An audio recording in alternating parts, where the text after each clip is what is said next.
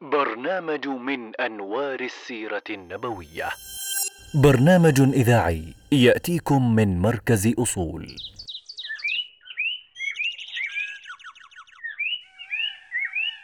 مهاجرون وأنصار.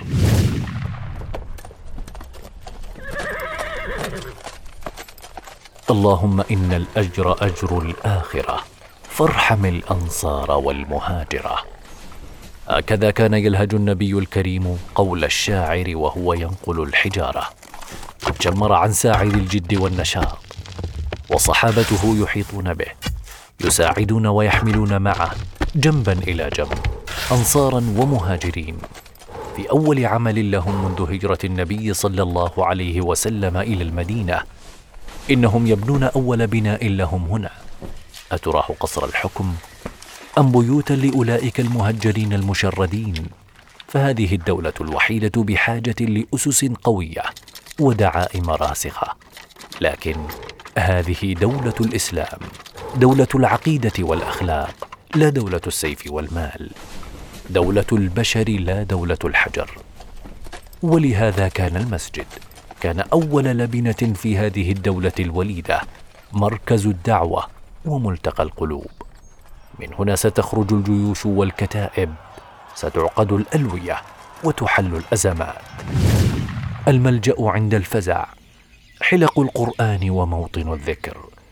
تستقبل الوفود وترسل الرسائل. دولة كاملة ستحتويها هذه الأرض المباركة. فالمسجد هو دعامة دولة الإسلام الأولى. جاءت الأنصار إلى رسول الله صلى الله عليه وسلم تطلب منه طلبا غريبا.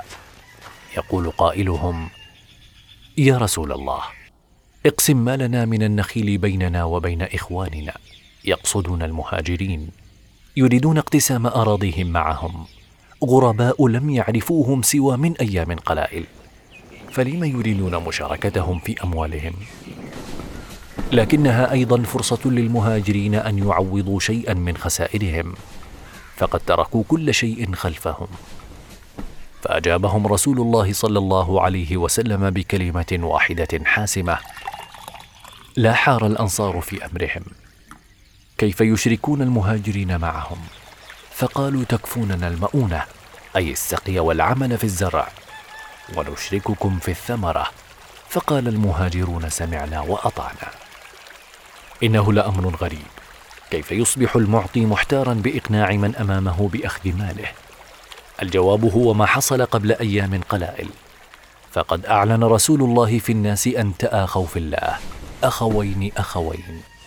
وما إن يسمع الأنصار ذلك حتى يبتدروا المهاجرين.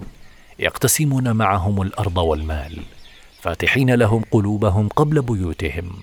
في قصة جديدة من قصص الإيثار والطاعة. فهذه دولة الإسلام عمادها الإيمان لا عصبيات الجاهلية مقياسها التقوى فلا فرق في لون أو نسب أو وطن أو مال. فما تقدم من تقدم إلا بدينه وعمله فقط. هذه القصص الرائعة قد خلدها الله بالذكر وأثنى عليهم من فوق سابع سماء. قرانا يتلى مدى الزمان إلى يوم أن تقوم الأشهاد. والذين تبوأوا الدار والإيمان من قبلهم يحبون من هاجر إليهم ولا يجدون في صدورهم حاجة مما أوتوا ويؤثرون على أنفسهم ولو كان بهم خصاصة. ومن يوق شح نفسه فأولئك هم المفلحون. هكذا استقامت الدعوة وبنيت الدولة. مركزها المسجد ومكانها قلوب المسلمين المؤمنين. قلوب متآلفة مجتمعة. هي ليست أسطورة تتلى أو حكايات تروى علينا. نحن الذين أتينا بعدهم. نحن الذين تفرقنا الكرة وتجمعنا الحفلات. كيف كنا يوما صفا واحدا يفتي بعضنا بعضا.